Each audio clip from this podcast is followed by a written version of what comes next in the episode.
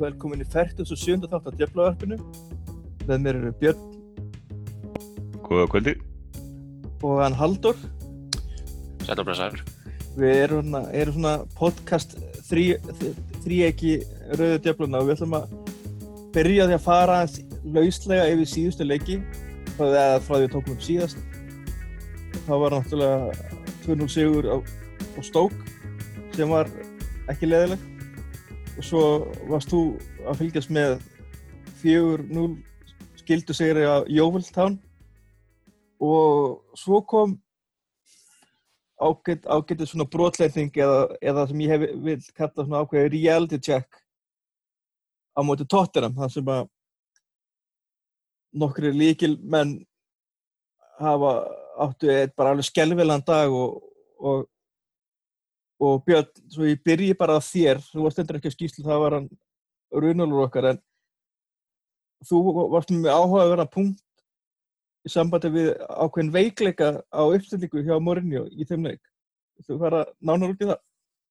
Já, já, ég er alveg til í að fara, eh, sko þessi tóttunumleikur hann síndi eiginlega alveg það, þann veikleika sem að við höfum í klubnum í dag. Uh, ég var að sjá statistik síðast í dag, það er haldið utan um það, við erum með, ég man ekki hvað það var, við erum með einum tíu stugum meira eða 13 stugum jável, gegn sömulegðum og við vorum með í fyrra. Mikil bæting eins og við sjáum að því að við erum í öðru sæti í fjöldinni í staðin fyrir sjötta en uh, okkur hefur gengið herfilega á mútið stórulegunum. Við höfum haft það sem afsökun hingað til að Pól Pogba hefur ekki, hefur mist af næstum öllum leikjunum nema þessum eina sem við unnum á mútið lögupól. Núna var hann með á mútið stóruleði og spilaði annar af tveimur miðjumönnum í fjóru, tveir, þrjir, einn. Og það gengur ekki. Stutta útgáfan gegn stórulegunum, það gengur ekki. Uh, ég gerði það sem ég gerði hérna aldrei og horfði á með stöðnismann anstæðinga og, og, og sá var ekki leiður yfir því að, að Dembele var að geta pompa ég var ekkert að rífa svo mikið við þannig að þetta var alveg einlega rétt. En þetta var líka hreinlega sjálfskapraríti hjá United hjá Mourinho í raun og veru. En uh, eftir mjög góða byrjun þá hefur Matic ekki verið að spila nú viljundafæri af því hann hefur verið mittur hann hefur verið að spila mittur undanfarnar vikur og, og þegar þú ert með tvo í miðinu og annar þeir er Pól Pogba besti miðumar í heimi, ég bakka ekkert með það þá þarf maðurinn með honum að vinna helviti mikið til að til að frelsa Pogba frá skítverkunum.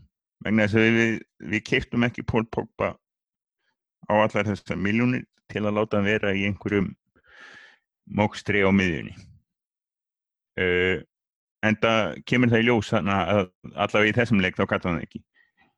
Það er það skiptir eiginlega ekki máli hvaða fremstu fjórir eru ef að, ef að miðjan þessi tveir á miðjunni standa sig ekki í þessu kerfi. Og það náttúrulega ef að öftustu varnamann eru Phil Jones og Chris Smalling sem ég ætla núna offisíali, ofinbellega og ég skipti fyrir öll að gefast upp á. Þeir eru leikmenn af klassa sem ég kalla 3,5 á 5 7 af 10 leikmenn sem er flott af í hóp en er ekki hægt að treysta á nema þessu betri menn við hliðina við erum með 5 eða 6 fóliðis hafsenda allan um að bæli þegar hann er hress.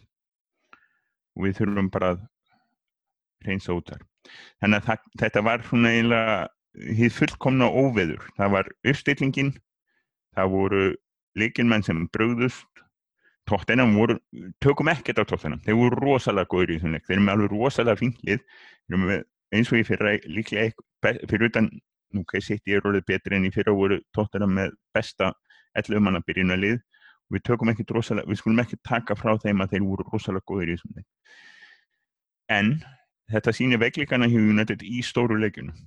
Hins vegar hef ég ekki stóra áhugjur dag síndum við að við vinnum litlu liðin. Við erum að gera miklu betur gegn litlu liðinum ef við gerum í fyrra. En ef við ætlum að taka annað skref upp á við þá þurfum við að vinna leiki eins og tóttunum úti eða allavega að standa okkur mjög vel í þeim leiki sem við gerðum ekki. Hvað er til ráða? Tja, ég fekk alveg að heyra það þannig hjá þessum tótturna manni að hann var þótti ekkert leiðinlegt að, vinna lið sem væri alltaf að kaupa leikmenn. En hei, það er bara fótbolltinn í dag. Uh, Pep Guardiola kvartar hundan því að með ekki kaupa leikmenn þegar hann getur keitt leikmenn og næst í hvaða verði sem er. Við ætlum ekki að kvarta hundan að ég get ekki keitt leikmenn. Við getum alveg keitt leikmenn, við keittum einn af þeim bestu í Englandi í mánuðunum og í sumar þurfum við að kaupa leikmann sem að passar í miðjupúslið okkar. Í millitíðinni er ekki svarið fjóri, þrý, þrý. Haldur. Já, ég sko, maður hefði haldið það. Það er það sem mann hefur verið, það er í rauninni það sem manni finnst hafa verið að virka best hjá þessu liði, bæði þú veist, hvort sem það er sko byrj, hvort, hvort sem það lið byrjar þannig eða það hefur, hefur breyst í fjóru, þrýr, þrýr eftir því sem að líður á leikin og þá hérna þá hefur mann fundist að einhvern veginn henda eiginlega flestum leikmennum liðsins betur að fara í það sko. Ég, en, en sko ég minna það hlýtur að vera einhver ástæða fyrir því að Mourinho hefur ekki farið alfærið í það. Það er eitthvað sem, er, er eitthvað sem hann sér í þessu kerfi sem hann vil halda áfram að vinna með. Ég bara, svo sem áttam ekki almenna á því hvað hva það getur verið, sko. Kanski finnst hann ekki hafa mannskapin í þetta eða kannski treystur hann leikmennum betur sem að geta þá frekar spila þetta kerfi eða eitthvað. En ég myndi alltaf það, ég, ég, til dæmis, sko, ég er ekki við sem að, að hann er að tala um það, sko, að hann þurfa að kaupa einn miðjumann í sumar, ég er ekki við sem að það sé nóg, sko, að bara upp á, sko, upp á hópin, sérstaklega ekki, sérstaklega ekki ef að, ef að, ef að liðir að fara að tapa fleiri miðjumannum heldur en bara Karrik sem er vantarlega, hætta í sumar, sko, þannig að þetta er svona. Þú ert að tala um fella eini. Já, líka það, ég meina, hann er náttúrulega búin að vera mittur og, og liðið hefur saknað hans sem svona þessa, þessa leikmann sem hefði getað komið inn á þá, þú veist, ekkert endilega byrjaði leikjum en komið inn á og, og breytt á forminu og, og breytt þessu aðeins meira yfir í þetta 4-3-3 og frelsa þá Pogba aðeins meira og hérna, og það virkaði rosalega vel í byrjun, byrjun tímubils, bara mjög vel. Þannig að það... Erum þá að tala um fella inn í hægra meginn, Pogba vinstra meginn í, í miðjutristunum, eða ekki? Jú, svona nokkur með þannig sko, eða kannski meira bara að, að uh, Matic er aftarlega uh, fella inn í svona bæði og svo Pogba heila hálfpartin frjáls sko, en jú, kannski svona á bladið vinstra meginn, en, en hérna en það, jú, það er mitt væri það ideal sko, en, en svo náttúrulega eins og í leikum í dag þar sem Herrera er ekki með og, það er reynda komið einhverja fréttir um það hann hafi fengið eitthvað högga á æfingu og þess vegna ekki verið með. Og manni finnst það eins og, eins og Mourinho sé ekki að treyst honum til að spila í þessu, þessari rullu. Þannig að þetta ég fór, að sko Herrera hefur eiginlega verið eina stóru vonbröðum í vetur. Já, algjörlega. Ég, fór, ég hugsaði mikið eftir kringum þennan tóttunarleik þá var ég mikið að hugsa um sko uh, leikina í fyrra sagt, fyrsta sagt, byrjunin á byggarleiknum og svo í deildinni gegn Chelsea. Sagt, taktíska planið hvernig það gekk upp í þeim leik sem var þá í rauninni eitt, eitt af þessum svona Mourinho masterclass svona taktískum masterclass uh, uppstillingum. Og, og þú veist, hann var ekkert að gera það núna. Hann, þú veist, hann var ekkert að reyna þú veist, hann, svona bladi virkaði þetta bara eins og hann væri að reyna einmitt að ekki lítið út fyrir að vera að koma nálagt því að leggja neittnir útu og hérna ég veit ekki hvort að hann sé að fara að taka umtalið eitthvað inn á sig eða eitthvað en, en allan að veist, ef hann hefði bara stilt, þessu einhvern veginn upp eins og í fyrra á móti að, einmitt bara reynda að finna svona taktísföður og, og, og, og hérna og vera þá með, ég meina þótt að þýði þá að, að þú veist sért að með einhvern límdan á anstæðingi eða whatever að hérna þú veist, akkur ekki prófa það frekar en að fara í eitthvað svona og, og, og veist, þá vantar allt svona samhengi sko, af því að ég meina ef að Matits var meittur hvað sem er og ég meina þess þá heldur að vera treyst á og tvo þarna í þessu hlutverki Mér finnst það svolítið skreiti. Það, það er ákveði vandamál sko, þetta með Matic mittan og treyst það- nú er ég ekki framkvæmtastöru og myndi aldrei ganga sem slíkur en, en manni finnst alltaf rosalega enginlega sko hann, hann- kvílir aldrei Matic og hann kvílir aldrei Lukaku og þetta eru menn sem það annars vegar Lukaku sem er svona orðin daldi stóra þrekkin og, og þarf örgulega gott recovery. Og Matis er náttúrulega meittur en þetta er, þetta er samt er þetta mennur sem mann treystir einlega þetta ekki ég, ég vilja sjá rótur aðeins meira kannski eins og í dag tekin út af. Þess vegna er ég að pæla í sko með þess að, veist, hvað, hvað þarf marga miðjumenn í sumar upp á þetta, því að, tvo, veist, já, allavega tvo sko, en ég meina, en það er svo sem Eh, kannski skiptir, skiptir engum máli, ef þú treystir þér ekki, gefum okkur kannski að sko Tóminni, sko verði miðumæður hjá já, já, mögulega Pereira kannski, að ég meina, hann spilaði honum sem, en, en, en, en, en það- hann fer ekki að- ekki aftar í þristin sko ég seg, segi sko fjóru þrýsir fremri tristur aftar í þristin miður þristurinn hann gerði það í sumar, þá var hann að spila honum þar sko, getur ekki spilað með Pogba og Pereira sikkur megin og, og alls ekki Matis þú þarft einhvern þú þarft eitthvað monster þá í Ég, já, ég, nei, ég, ég hefði haldið það en ég er bara að tala um sko, undirbúinist tímabilið fyrir þetta tímabil þá var Mourinho að spila með Pereira í aftari þri, þristinum skilur. og jafnvel sem þá miðjumannin þar dýfsta leikmannin hann, hann prófaði hann í held í öllum þeim stöðum sem að kom mér svolítið óvart þá sko. En svo var hann og hann var svolítið skemmtilega það sko. En, en ég meina það er klárlega ekki staða sem hann er samt vanur að spila. Það, það, það, ég held að hann hafi mögulega bara verið að gera tilraunir að sjá hvort hann myndi pluma sig þar. Og svo veit ég ekkert hvort hann dreist honum í það kemur að alvöru leikum sko.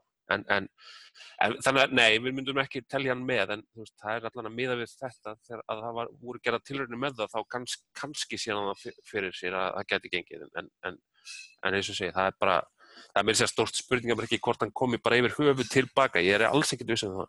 Ég hann hann spili, ég- ég- spili fleiri ég- leikir ég- ég, ég vil ekki gefa, gefa hann upp á mér nei, nei, ekki heldur sko, ekki heldur Nei, en það, ef Ég- hann kemur ekki tilbaka þá náttúrulega þurfum við sko, kaupa, kaupa, kaupa. Já, já, ha, ha, það er að þið bara kaupa eitthvað, en það er bara staðrindin menna við, við fél, klúburinn, hann býr til þessa peninga hverju ári hvað er svona ekki að kaupa. Þannig að það er bara eina leiðin. Hvað, hvað, við þurfum að keppa því sitt í og, og kannski á næsta ári þá, og jáfnvel á þessu líka sko, þá þurfum við að keppa við PSG og Real og, og Barcelona.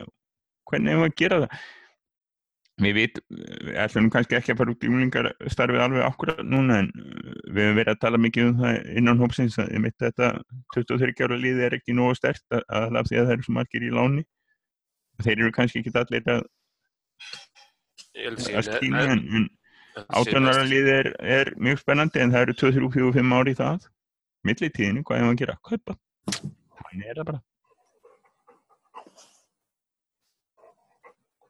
Já, hérna eftir hennar leik gegn Tottenham þá var hérna var umtalað hversu lélegir ákveðni leikmenn voru og þú komst út vel inn á Björn áðan en áðan, við, við erum að taka upp núna bara, bara rétt í lók rétt eftir lók heimaleiks gegn Huddersfield þar sem United eh, var að vinna 2-0 og ég hérna var á skýsluvaktinni heldur þessu vant og það var svona djast move að droppa Pogba á bekkin og, og Jones og Herrera ekki í hóp en eh, samkvæmt einhverjum skýringum eftirleik þá á Jones að vera að stríða við eitthvað veikindi og, og Herrera á að hafa fengið eitthvað högg á æfingu þannig að þeir voru ekki með. En þú komst inn á Scott McTominay hann sem hefur verið að fá nokkra sensor og hann var bara mér fannst það flottur í dag. Og hérna og ég spyr hérna bara áður fyrir svona kannski í höttursleikina þetta var svona ég vil ekki vera hrókaföld en þetta var bara leikur sem að átti að segrast og, gerði, og það gerðist. En hva, haldið hann sem er raunverulega fremdi hjúnett eða er hann bara að spila því að það vantaði líka maður á miðuna Haldur Sko, ég, ég það er svolítið snemt að segja. Ég, það, hann allan er að fá þessa leiki og, og hann er hann hefur, hefur verið að koma inn og, og, og hefur ekkert verið að hann hefur ekkert verið að standa upp úr sem einhvern veginn svona augljósi já þetta er kjúklingurinn inn á, á vellinum. Þú veist hann virkar eins og bara uh, þú veist hann er allan yfirvegaður og svona þú veist ekkert, ekkert flassi en svona vinnur sín verkefni og, og gerir það bara þokkalega. Þannig að það væri allan að það væri gaman að sjá ef hann gæti tekið þetta upp á næsta steg sko en en, en það, ég sko ef hann, ef hann er bara aftur, ef hann er bara að fara að kaupa einn miðjumann í sumar, þá er Tóminni alltaf að fara að fá uh, góðar, góðan fjölda mínútum aftur næsta tímubil, sko, það held ég alveg sé alveg á hreinu. Og ég meina kannski er það bara svarið og ég meina þá þá sjáum við bara hvernig það þróast. Það hafa eldri og reyndari og, og öflugri leikmenn uh, ekkert endilega höndlaða og, og svo hafa, hafa maður séð leikmenn sem að sem hafa byrjað mishægt og þeir hafa unnið sér upp í það að vera líkilvæðin þannig að þetta er langur vegur ennþá þangar til að verður einhver svona leikmaður sem við viljum fara að sjá reglulega í byrjunuleginu en, en, en það er samt ánægilegt að sjá hann aðna með. Það komið mitt fyrirgeðu Magnús. Nei, ekki svo kom svolítið óvart. Ég segi það nú ekki að ég horfi á yngri liðin en, en maður heyrir svona flest nöfni sem menn eru spenntið fyrir og, og hann kom svo litið upp úr þurru af því að það er nú yfirleitt þannig að þegar að yngri leikmennir eru skoðaðir þá eru þessi meira spennandi sem að sem að eru meiri umræðin en, en nú er, er Maktóminni, hann er af skóskumættum fættur í börnlegi eða eitthvað svo leiðis en, en íhugar að spila fyrir Skotland eins og einhver sagði að hann kemst ekki einska landslið en þetta er auglust en það minnir kannski annan skóskarleikmann sem byrjaði, byrjaði hægt en, en varði á endanum hansi mikilvægur. Já, ég minna hann, hann verður hann næsta vettur, hvernig sem það verður og það var auðvitað gaman ef hann, ef hann, hann á ennþá alveg framtíðina fyrir sér og getur stíðið og vatnað það er við hefum séð marga þannig það er engin, engin tilbúin á þanns aldrei sem leikmaður. Þannig að hann fær síntæki fyrir næsta ár og þessu. Önnur að það voru aðrar stóra breytingar sem að Mourinho gerði eftir tóttamleikin hann, hann tekur Asli Jón úr byrjunarleinu líka og, og Luke Shaw kemur í hans stað og Marcus Rojo kemur í stað Jones og við miðum við þennanleik að þá náttúrulega hefðu Smólning og Róhó afskaplega lítið að gera í vördinni, bara sem öll United vördinni, það er kannski svona sóknarlega sem eru meira að horfa eins og, og Shaw. Ég meina ætti, ég veist, miðið bara ef við bara tölum bara janúar við janúarmánu, hvernig hann er búin að fara á stað bara janúarmánuðin hjá United. Með við framistur í þessum leikum á, er ekki Shaw bara, er hann ekki orðin bara fyrsti vinstri bakverður á blad eða ætti hann ekki verið orðin það? Jú, mér finnst það. Ég meina, við höfum allavega miklu minni áhyggjur af, af vinstri bakverðinum heldur en við höfðum. Ég var alveg, það sleppur alveg að kaupa ekki vinstri bakverð í sumar ef þetta heldur svona fram. En þurfum við ekki hægri bakverð? Hæ? Ég, ég, ég hef myndið að halda það mjög búið að finna það eftir langa tíma. Ég er, ég er sammála því, sammála því sko. Ég held mér að einhvern, sem að myndi þá ef ekki henda Valencia strax úr byrjunulegði allan að veitunum duglega samkefni Já því að við hérna hann tryggva okkar hérna hefur oft komið inn á það mitt að, að hann er svolítið takmarkur. Og ég var að fylgja svolítið vel með honum í leiknum dag og hérna þegar hann er duglegur að koma upp hérna og ég komin hérna bara upp á vangin en ég hafði bara, ég var að fylgja sérstaklega með mér en ég hafði bara ekki tölun yfir það hversu oft sem hann fær vekkboltan og stoppaði bara. Og beigð og beigð og beigð og svo bara kom eitthvað. Og svo kannski bara neldan í fyrsta mann hjá hjá Huddersfield eða þá bara hreinlega bara gaf tilbaka. Þetta, þetta er, þú þú ert að summera upp bara Valencia sem bakverð í þessum orðum, sko. Þetta er alveg, þetta lýsir honum mjög vel, sko. og, og Hann, sko, eins, eins, hann á sín moment, en svona heilt yfir þá þyrftum við betri öflugri leikmannanna, sko. eh, tökum svo hérna, svo langar að og svo kontra sér við hann, hérna vinstra megin, Luke Shaw, sem er að hérna, kemur hérna í óölappið á, Sanchez og, og á eina fí- fína fyrirgjöf, hérna, bara rétt árun að við skúrum fyrra marki í leiknum. Ég meina, þetta er það sem við vantað hjá United hægra megin í verðinni. Bara sennilega bara frá því að Rafael hæ- hætti að fá að spila fótbolta hjá Manchester United. Og þurfum við ekki þurfum við ekki að óknarna hægri megin líka? Ég meina, það er ekki, ekki nómið að við erum ekki búin að vera með alvöru hægri kantnan bara ég man ekki hvenna síðan ég man, man bara man ekki hvenar en, en það er ekki einu sinni bakverðurinn þú veist við, höfum- þú veist, og við erum alltaf að ég er alltaf að byrja að fylgjast við liðinu af miklu krafti og þá er þetta, þá er komboð hægra megin, þá er það sko hérna David Beckham og Gary Neville sem er náttúrulega kannski ósækjant að ætlast til einhvers áleika af af hérna af leikmönnum að leika það eftir. En, en að vera í rauninni hvorki með kantmann nýja bakvörð hægra megin þú veist, það, það er eitthvað sem við þarf bara að laga. Getum við ekki bara treyst á því að að sækja upp vinstra megin trekki trekki Þetta, er einmitt, þetta kemur kannski inn á að ef við værum með 4-3-3 sjó Pogba og Sanchez vinstra megin og ekkert hægra megin engan sem að engan sem að sko er á svipuðum level þar Nei, fyrir utan náttúrulega eins og þegar við sáum í, til dæmis í leiknum í Jó- gegn Jóvil þegar, með, þegar við vorum með Mata hægra megin og Sanchez vinstra megin og þá voru oft sko Mata þegar, var- þegar voru báðir komnir vinstra megin af því að Sanchez held sér mjög auðarlega á vinstra kantinum e, meg, mjög oft sko, en reynda fór, fór aðeins meira inn að miðju eftir því sem leið á hennu en þeir voru alveg mjög oft voruð bara komnir með voru bara bæ, bæði Mata og Sanchez vinstra megin og hérna þú veist það var náttúrulega bara Valencia bara sá bara um, nei ekki Valencia, það var Darmian í þeim leik sem sá bara um hægri kantin eins og hann laði sig sko. Þú, já, það, það var engin bæting frá Valencia að hafa Darmian þar sko. en hérna en, já, að vera með möguleika báðum megin sko, hérna, myndi skipta þess að miklu máli að vera með einhvern svona veist, eins og maður sér það bara uh, með þessa, þessa bakverði þessa topp bakverði í bestu liðunum núna að þá eru þeir bara að vinna þessa vinnu sóknarlega sem að við tengdum alltaf við þessa klassísku uh, kantmenn. Veist, að, að, eins og bara horfir á, á Marcelo hjá Real Madrid hversu mikið, hversu, krúsjál hann er fyrir sóknaruppbygginginu hjá Real Madrid. Þótt að gangi reyndar ekkert eitthvað eðislega vel hjá þeim þessa dagana, en þá er hann það.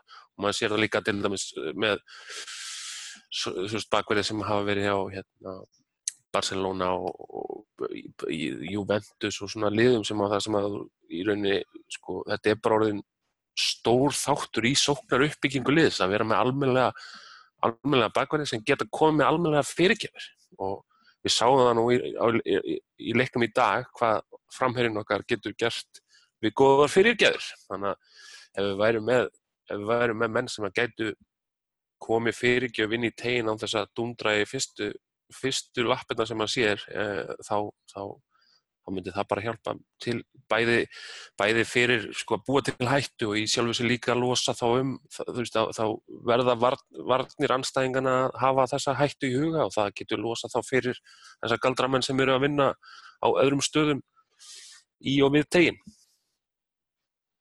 Svo hérna vil ég koma aðeins inn á leikmann hérna sem kemur frá Síle eins og hann heitur á góður íslensku. En Alexis Sanchez var þegar við tölum saman síðast á leiðinni og hann var búinn að vera sko í nánar finnsmanni eins og tvær vikur frá því að vera að klára félagskiptina á næstu tveim dögum. Þessi tveir dagar voru ansið margir. En svo fljótlega eftir tókum síðast og þá var hann staðfestur og, og hann spilaði eins og hann tókum inn á hérna hérna gegn Jóvel fyrsta leikin sinn.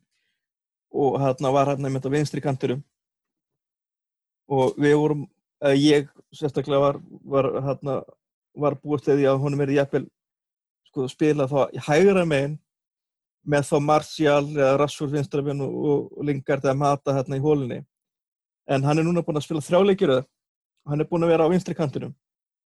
Og hérna í, öllum þrim leikjunum. Og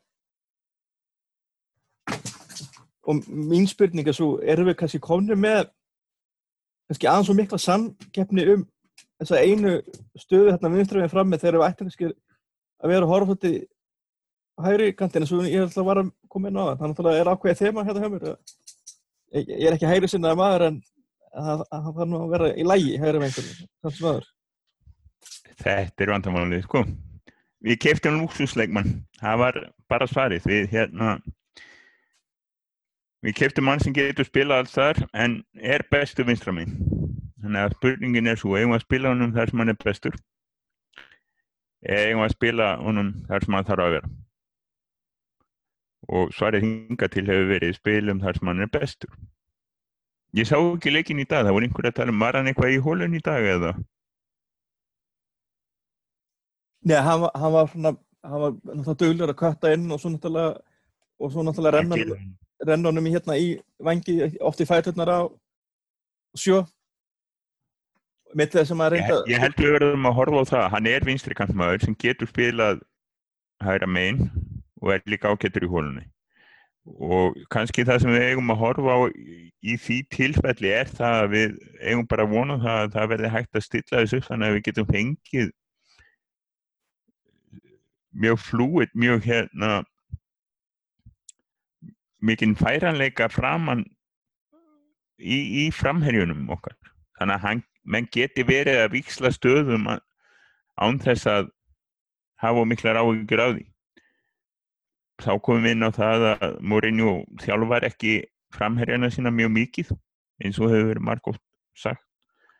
Og svona rókeringar þurfa ansi mikla æfinga, æfingar við menn þurfa að vera ansi vissin um það hvað samherjinn ætlar að gera þegar að menn viksla stöðum oft þannig að ég veit ekki alveg hvernig það er en En ég er náttúrulega heimilnefandi að fengið Sanchez.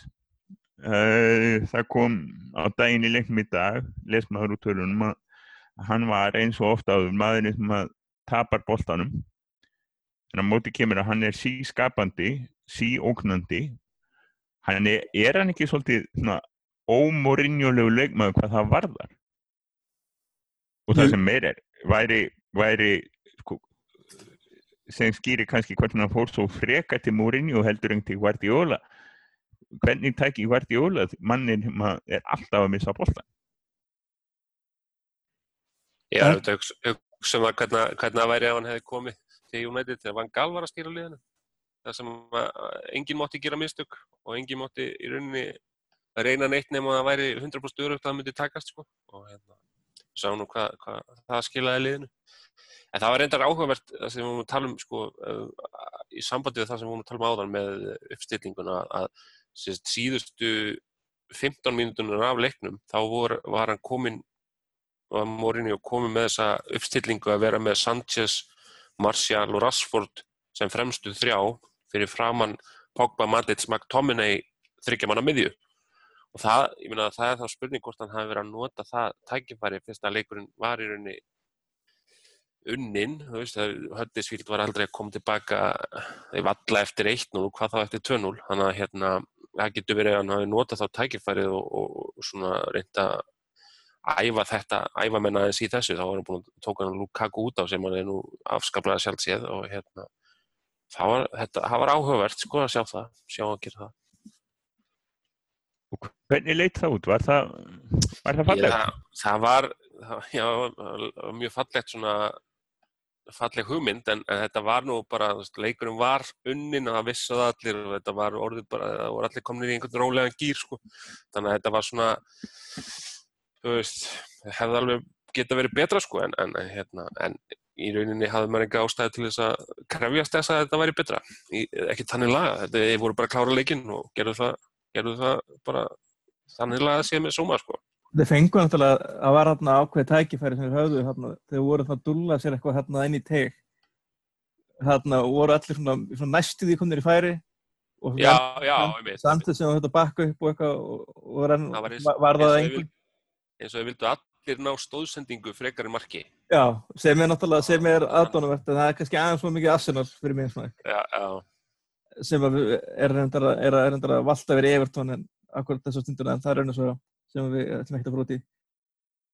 En ég meina, þetta var bara þetta var, þú veist, þetta var ekki skemmtilegst leikur sem ég sé og, og þetta var frekar riðgafni fyrirháleik en, en það voru nú eitthvað að tala um sko líkið sem við, sko tóttunleikin eða eitthvað, eitthvað þróta eitthvað en mér leit aldrei á leikið þannig, mér fannst við vera svona þokka leigir og ég hugsa, þetta, vera bara, þetta er bara þannig leikur, þú veist. Leið og markið dettur inn og þá vinnum við leikin þetta verður, þú veist ég, þetta er langt sín, ég man ekki hvað leikur var síðast þegar að, sem Jónat var að spila þegar maður hafði bara enga trú að hitliði myndi bara reyna að skora hvað þá actually að skora. Já, mjög áhugavert að, þú veist, horfa á þennan leik í samanbyrði við fyrri leik þessara sömu liða. Það sem að var einmitt svipa kannski, veist, þegar kemur að því að halda boltanum, þá var svipu tölfræði, svipa hlutfalla possession sem að United var með í, á heimavelli í Huddersfield, en það var allt annað yfirbráð á báðum liðum þá. Huddersfield, manni fannst þeir vera hættulegir alltaf þegar þeir fóru fram og það var einhver vestileikur United sem að ég hef séð að spila. Það var eiginlega, þú veist, að mínum að þið var sáleikur verri heldur en til dæmis leikurinn gegn Tottenham, sko. Þarna, útileikurinn gegn, gegn Huddersfield, sko. Já, hérna, útileikur gegn þetta, hann var svona meira vannmatt og svona smá kærulis en leikunni gegn tóttan var já, það var bara er karaktersleysi og En þá var líka Huddersfield þá var líka Huddersfield á ákveðnu skriði og þeir eru náttúrulega búin að sökva ansi harkalega síðan þá þannig að það spilaði inn í líka Já, þetta er lí- líklega lið sem fer niður í vor þá svona maður hafa alltaf svona ákveðna svona samúð og svona vona að að þessi nýju lið þarna ná svona staldra eitthvað við en eh, en það maður svona býð- miðað við úslit hjá Svons í undanfæri þá getur maður trúið að þeir mögulega náu kannski að retta sig fyrir hotn og þá verður verður það kannski hördusvild sem fer niður þarna. Og þarna og, og það er ekki, það væri bara ákveðin synd sko. En þarna núna eru liðinni þrý dagar frá því að bara félagskipta glukkaloka við erum náttúrulega eins og kom fram á hann er, er, er, núna með Alexis Sanchez sem nýju sjöuna hjá Manchester United og, og við erum ekki lengur með leikmennum með 22 því að Henrik Mkhitaryan er nýja sjöan hjá Arsenal. Og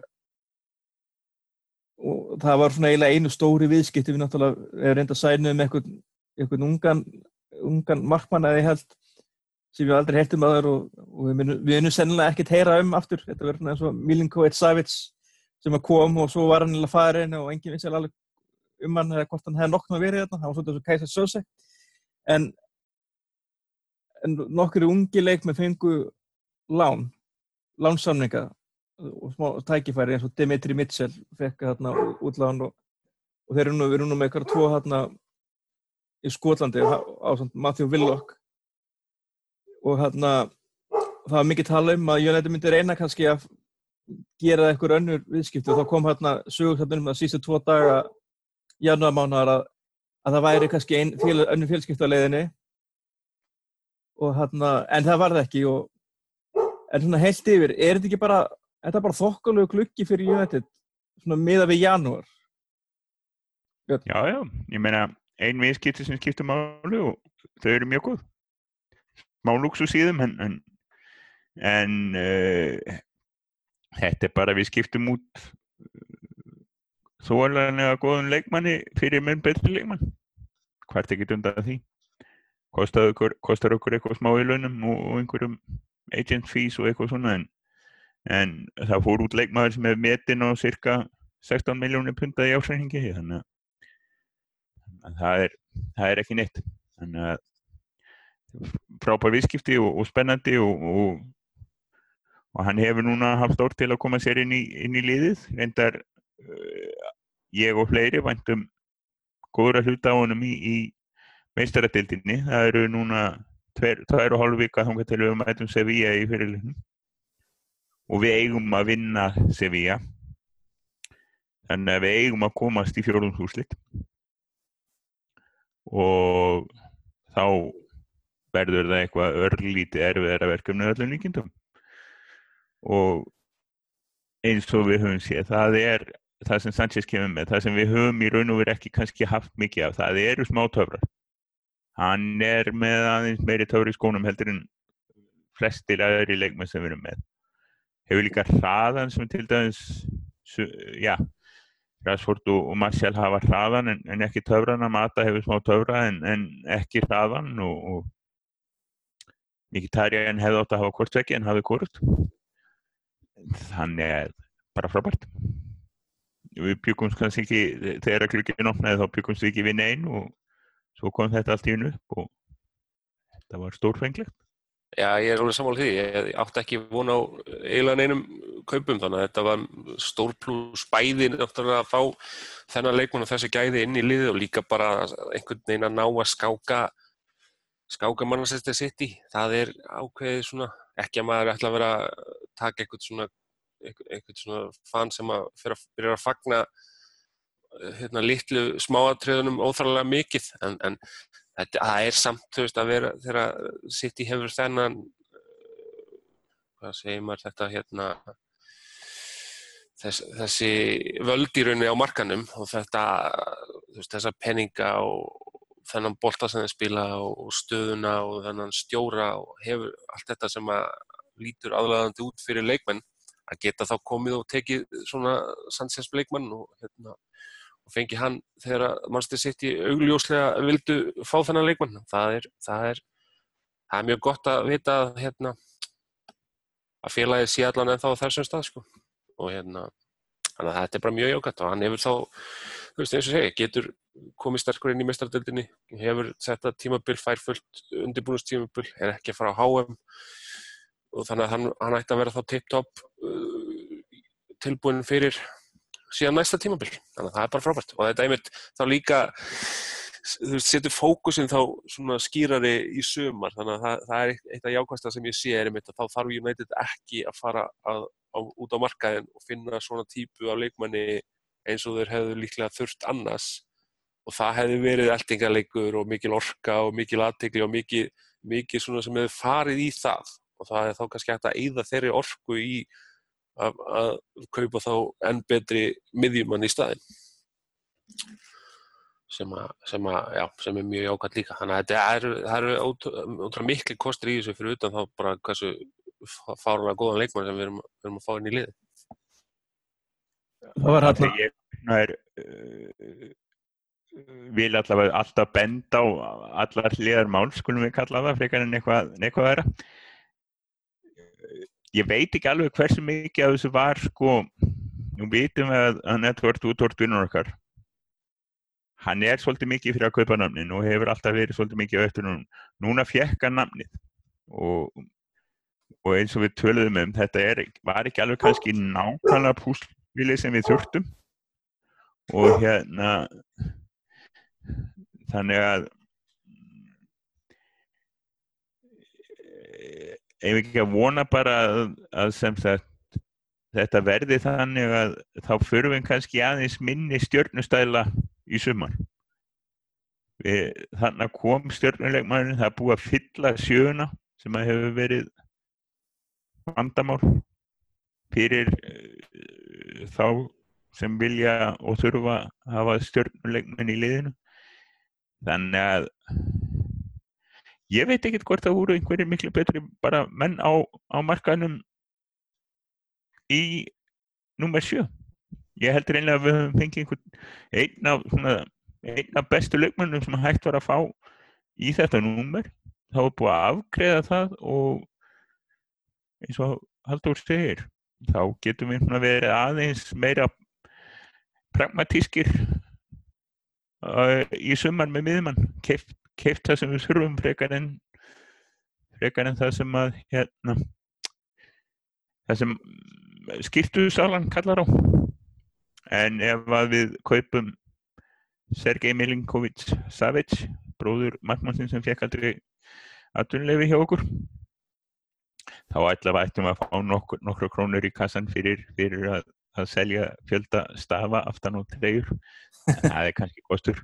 Það, það er vist ekki lengur þannig, þannig að og svo er hann með Sergei, hann er með Sergei frekar en Milinkovic Savic aftan á treyni.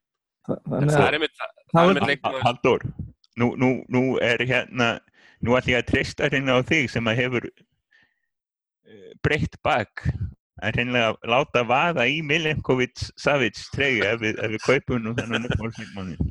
já, ég, ég, sé, alveg fyrir mér í, hérna, að fá, taka við treyjinúmerinu 16, það væri fallegt, sjón, sko. En, Og- og- en, en það, en fyrir sko að því að þú ert að tala um stjórnuleikmanni, það er náttúrulega alla leikur, alla líkur á því að tíjan verði laus, þannig að það er alveg, alveg númer inni fyrir stórstjórnu kaup sem að, hérna, en ekki að ég sé- endilega sjáu það fyrir mér að það gerist í sumar, en, en, en það er allan að númerið er, verður líklega á lausu. Það er spurning reynda hvort að, Í hvaða númeri spilar Paolo Dybala? Pablo Dybala, Dybala er er, það nýja?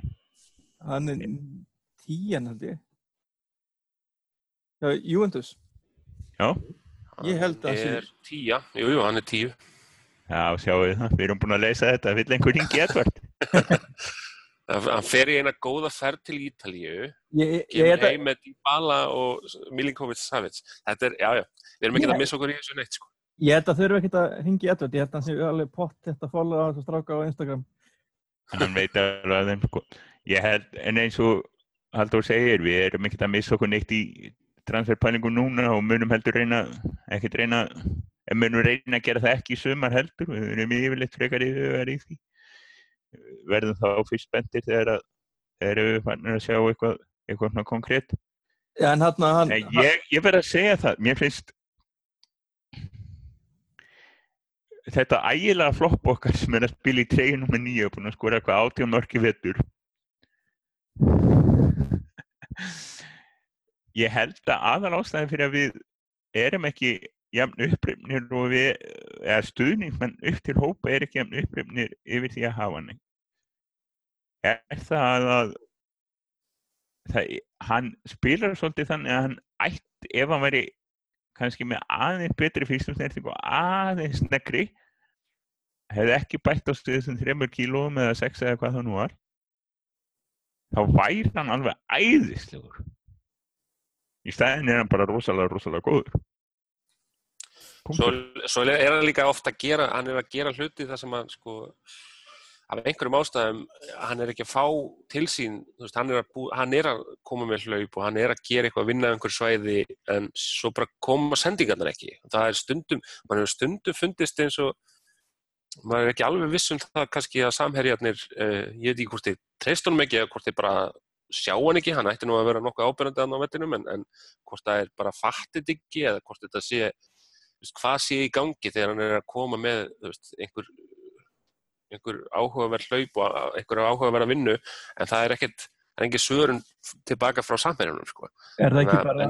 En ég held, þú veist, það er oft að tala um það og það var mikið kallað eftir, sérstaklega eftir stóruleikina þar sem United hefur kannski ekki verið samfærandi og hann þá í rauninni horfið bara af þeirra ástæða til dæmis að, að hérna, ef það er búið að kötta á miðjuspil og, og spil fram á við hjá United þá er hann ekki að fá, er hann að fá minni en enga þjónustu í rauninni að þá hefur verið kallað mikið eftir því, að maður sé stundismenn kallað eftir því að, að, að Lukaku verður bara settur á bekkin og hann verður bara kvildur eða, eða hann sé að spila það illa að hann er ekki skilið að vera í byrjunuleginu að hérna eh, ég held að sé bara, ég meina Mourinho vill greinlega hafa hann það, það hlýtur eiginlega að þýða það að hann sé að gera þó eitthvað af því sem Mourinho vill að hann geri veist, hann, hann er með einhver verkefni sem hann á að gera sem er náttúrulega skoramörk og hann er að gera ágætlega mikið af því alveg frekar vel og, hérna, og svo hefur hann verið að leggja upp meirinn í átti vonu en utan það, þú veist, hann er greinlega að sinna einhverju vinnu og gera það sem að, ég meina, Mourinho hlýtur að vera sáttu við að, hvað hann er að gera fyrst hann er að halda honum í byrjunarliðinu allan þennan tíma. Já, algjörlega, algjörlega. Og, og það er, hann er búin að vera mjög góður í vetur það er, það er bara Já, já, ég er alveg hann finnst hann gæti verið þetta aðeins betri. Og það fyrir ekki mikið En það er spurning hvort að það sé líka bara, veist, hvernig hann er, veist, þetta er eins og þegar maður horfir stundum á Pogba spila, að þá stundum fær maður þá tilfinninguna að hann sé ekki að gefa allt af því að þetta lítur út fyrir að vera svo auðvelt það er, það er kannski ekki alveg þannig hjá Lukaku að það lítur út fyrir að auðvelt en mögulega er kannski spila stillin hjá leikmanninum eitthvað að blekja augað þannig að virkar eins og hann sé að gera minna heldur en kannski hann er í, í raun og veru að færa liðinu allan að út frá, ef, ef við horfum á þetta út frá því sem að Mourinho vill skilja Þetta held ég sé klárlega punktur sko. Já, en, en ég, allan, ég er allan mjög ánægð með hann og, og þú veist, ég held að sé sko, mann sjá, það kom hérna eitt uh, tímabil hjá honum, sjáum til, það er hérna sem að spilaði hálftíma, hálftíma mútið Bristol City, svo spilaði hann tvo leiki í röð 90 mínútur, svo 14 mínútur á mútið Southampton. Það er svona fjögra leikja, fjóri leikir í röð hjá, hjá uh, Lukaku, sem eru tveir heilileikir og svo samtals einn hálfleikur þar sem hann korki skoraði nýja lagði upp mark. Fyrir utan þessa törn þá har hann aldrei spilað meir en tvo leiki í röð án þess að annarkvort skora eða leggja upp mark eða bæði. Þannig að hérna, veist, það er, það er tölfræði sem að segja bara það að hann er þótt, alveg sama hvo- hvort að, því sé haldið fram að hann sé einhverju lægð eða eitthvað, að því hann, hann átti náttúrulega, hann átti bestu byrjun sóknamanns í sögu Manchester United. Fyrstu hvað tíu leikitin eða eitthvað sem hann skoraði tíu mörg það var bara einfallega besta byrjun hjá sóknamanni í sögu félagsins. Það, hann, hann toppaði Bobby Charlton sem, að, sem á þá núna næst bestu byrjun ef við tökum, tökum þess að fyrstu tíu. Þannig að augljóslega var hann ekki að fara að halda því út allt tímabilið en ég meina veist, kíkji bara á ef við kíkji bara á þessa tölfræði þá hann, hann, er að veist, hann er að færa liðinu mörg mjög reglulega það er bara það sem hann á að vera að gera Þannig að það er líklega ekkert frekar ástæði til að vera að spreða öllum penningum okkar í sendir í sumar held ég. Nei, ég veist Það er margt annað sem að ætti að ganga fyrir. algjörlega, þú veist náttúrulega með þessa leikminn annað líka sem að geta leist þessa stöðu eins og bara Martial og Rashford og Sanchez geta allir leist þessa stöðu þannig að al, algjörlega ætti það ekki að vera það ætti ekki að vera forgangur, ekki nema að þá þú veist, ekki nema að dettur inn einhver svona dýll sem er bara eins og Sanchez dýllin eða Van Persie dýllin sem er bara, já, þú veist, ef að sumum los, losna, þá bara er ekki annað hægt. En, en fyrir auðvitað svoleiðis þá bara nei, það þarf ekki. Nei, það voru hérna, þú talaði hérna fyrir síðan um hérna tíuna sem við erum mögulega laus, að það voru, voru einmitt bara sögursvöldin núna bara í vikunni um að, að Slatan væri að fara bara í Mars til Galaxy og væri bara að fara að hætta í alvörubólt og fótbolt að fara í amerískan banda, bandarsku deildina en Mourinho sagði eitthvað að það væri ekki, væri ekki spilunum, hann væri ekki að fara neitt meina, en er ekki að klárt mála að þetta- eru síðustu mánuður að sjá Manchester United, hann verður ekki, hann verður ekki þetta næsta veit. Og, æ, og, Nei, nei, það- ég meina það er alveg ljóst, það er engar ágjör af því. Og, og spurningin er eitthvað, þú veist, ekki, en, hvort, hvort, og líka bara hvort hann ætti að vera, veist, fyrir mitt leiti, þá held ég að, að hann hafi bara eitthvað meina aldrei mætt aftur, sko, mér, hérna, hef þetta áhugjur af því að hann bara í deild eins og Englandi sé bara búið, þannig að, og spurning hvort að, hvort það sé ekki, hvort það væ- væri vesti hlutur í heimi ef hann færi í mars til Galaxy, ég meina, er það mikið blóttaka fyrir liðið, ég meina, hann er, Við Þegar vitum það ekki. Ég meina hann hefur ekkert verið góður. Að hafa hann síðustu metrana þannig sem bara í hópnum á bekknum og svona, það, það getur ekki verið slemt að hafa hennan karakter, sérstaklega við erum að fara eitthvað í Európkenni.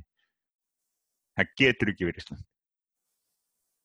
að þá, þá okkur sjálf, var hann að koma, koma nú fljótt tilbaka? Já, hann kom allt og fljótt tilbaka.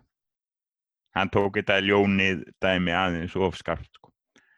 Þannig að ef hann kemur tilbaka í lok mánaðarins, þá kemur hann jáfnvel í seinni leikin móti Sevilla, sömulegis bæi. Þetta er stuttum mánuður, þannig að lok mánaðarins er ekki, ekki allt og langt í burtu. Og í millitíðin eru, er ekkert ægilega, það er ekkert ægilega þungt leikjaprógram framöndan, en þó að sé mikilvægt þannig að hérna þannig að ég held að, ég held að við horfum á þetta sko að það eru það Newcastle og svo er byggaleikurinn á múti Birmingham eða Huddersfield já og svo er, er Sevilla úti og, og, og hérna og heimaleikur Já. til Chelsea heimaleikur gegn Chelsea sem slúttar mánuðinum Já. það er þannig 2004 Já, 2005 ef hann er ekki ferður.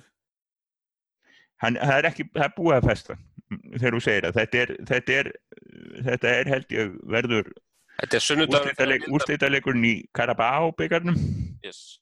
og þetta verður ræðað þannig þannig að þetta er allt hann á sama sunnudeginum og verður einhver svaka ofur sunnudagur í sjónvarpinu Og verður sennilega ég held að sjálfur En svona, að hér, en mér, langar svolítið að fara bara þarna, þú veist sem ekki of lengi kannski að ræða þetta slatamáli, ég meina þetta er alltaf svo lítið að ræða, ég meina hann er meittur og, og er ekki fara, eða svo segir Mourinho. En framöndan, það er endar rúm vika, að fá, liðið fær hann alveg rúma viku kvíld hérna fyr- fyrir útileiki gegn Newcastle og ef að, ef að David Moyes færi stjóri þá myndi hann vilja í þann leik og gera, er, gera erfitt fyrir Newcastle Vi, við viljum það ekki, við viljum fara í leikin og bara og gjössanlega slátara Newcastle. Og það er svolítið, það er svolítið langt í hennar leik, ég menna ég menna hvað, hvað viljið þið sjá? Eða bara hvernig viljið sjá liðið og hvernig viljið þið sjá hann stilla upp? Bara þá taktík og hvað leikmenn eiga að fá sensun og þann, þannig framöndu götturum haldur eða byrja þér. Getur þetta lé- létta verk.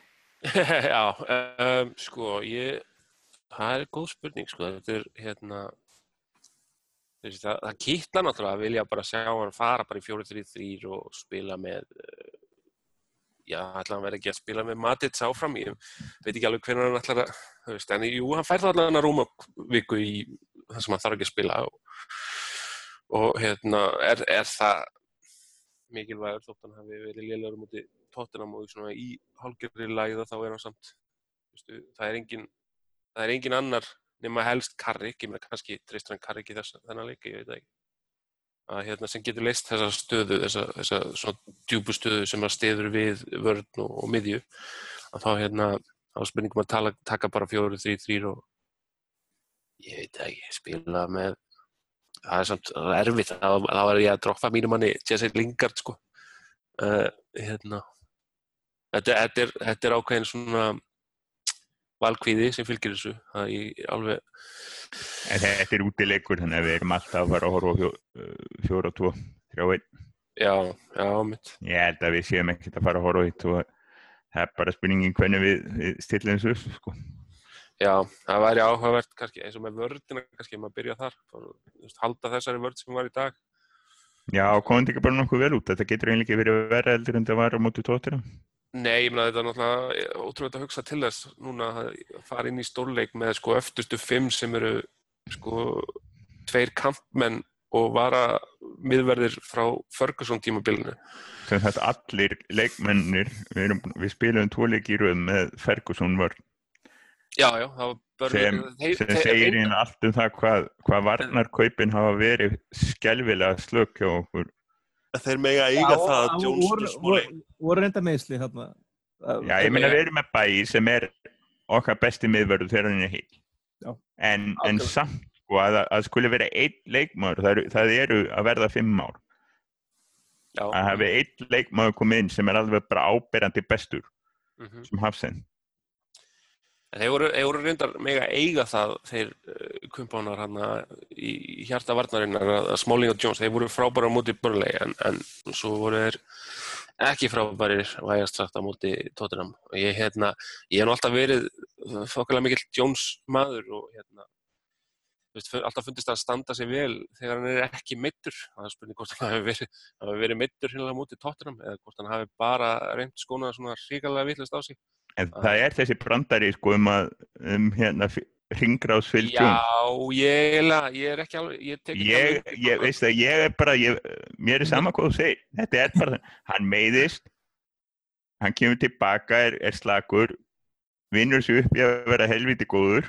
Já, er svo skelvileg mistök og meðist sko, það er þessi mistök sem hann gerði hann hann er ekki lengur sko, 21 árs nei, nei, nei, ég hann er Já, 20 og verður ekki 25 ára á árinu. Eins og segi, ég ætla ekki þú að fara að verja hreinsar ekki svona eins og hann gerði ég er ekki að fara að verja Það þessa er bara framstöð á ekki móti hægt. spörs. nei, nei, ég, ver, ég er ekki að velja þá framstöðu ástæðan fyrir að ég vil hann burtu og helst Smalling líka er að reynsa út. Sko við þurfum svona leikmenn sem varamenn. Já, og sér líka móti að hafa hann sem er búin að vera hana að hann, hann myndi ekki sætta sig við bara að vera einhver backup típa. Þannig að það er bara alveg eins gott að bara segja takk fyrir. Vertu góður einhvers annan það spilaði vel fyrir Tony Poulis eða einhvern áleika en, en við ætlum að tökum inn sko höfum Rokko frekar Rokko og Bæi sem að voru frábæri saman í fyrra.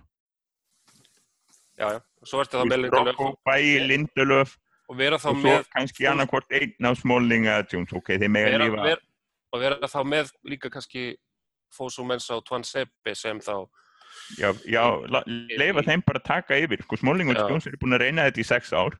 Þeir eru bara búin núna mega Fósum Mensa og Tóan Seppi reyna að vera backupi Það verður áhugavert að sjá hvernig Twan Seppi kemur út úr Stallone. Fósum Mensa er náttúrulega búin að standa sig mjög vel þegar, hann hefur fengið að spila hjá Palace og, og hérna, oftar en ekki verið þeirra besti maður í vörninni þannig að það, Og var maður leiksins á móti City og það ekki, þegar náðu, nei, á móti City eða Chelsea, þegar þeir gerðu markulega stjórn. hann, hann, hann, reyndar, hann hefur verið að spila mjög mikið í hægri bakverði þannig að kannski getur hann komið inn og gefið Valencia einhverju samkeppni þar eða bara tekið að sér að vera veist, í rotation hvort sem þú þurfi, þurfi bakverði eða, eða miðverð. Það sem bara fyrsti varna, vara, varnamæður að blað. Já, mögulega, mögulega. Það, Ég ég fyrsti, fyrsti leikun fyrir United held ég hafi verið, með þess að verið sko vinstri bakkur. Þegar að koma inn vinstri bakkur. jú, það er rétt, það er rétt. Já, ég meina, bara gefa þeim síðan sín, bara taka, þú veist, það, það er þá ekki, þeir, þeir þá annarkort stökkva eða sökva með það og ég Við meina, við náttúrulega minnum kannski taka þessu um, umræðan kannski líka meira og, og, kannski svona og gerum kannski svona meira úr, úr er, þessu, þessar umræðir svona, þegar fyrir að vora þegar já. línir að, skýrast upp á hvað keppnir við erum, er- erum í núna og, svona, og hvað við sjáum fram að fyrir þessa tímabil en algjörlega. og þá væri gaman einmitt að fara í umræðina sko hvort, hvort er mikilvægra þú veist, að kaupa inn eða, eða hreinlega að grísja til að hleypa af yngri leikmennum eða hvort það er bara eitthvað bland að, að, þeir, því tvennu Já, sér, sér nú muni til dæmis eins og þegar, það sem að Manchester City var að gera, þeir voru að senda sinn 30-40 miljón punta hérna, miðvörð á láni og hafa svo ekki nóg mannskap til að fylla bekkin. Það er ágætt.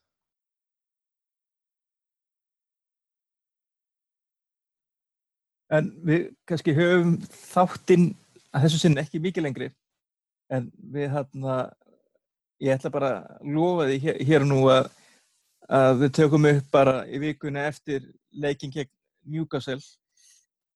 Og, og þá verður, kannski eitthvað til að ræða og þá hvort að að Mourinho gerir stjarfur og fari 4-3-3 eða, eða haldi í 4-2-4-1 og, og, og hvort að einhverjur ungi strákar fái hérna einhverjum mjöndur og hvernig það verður alls saman. En ég þakka bara fyrir hlusturina og við sjáumst bara næst Takk fyrir í kvöld Takk, takk.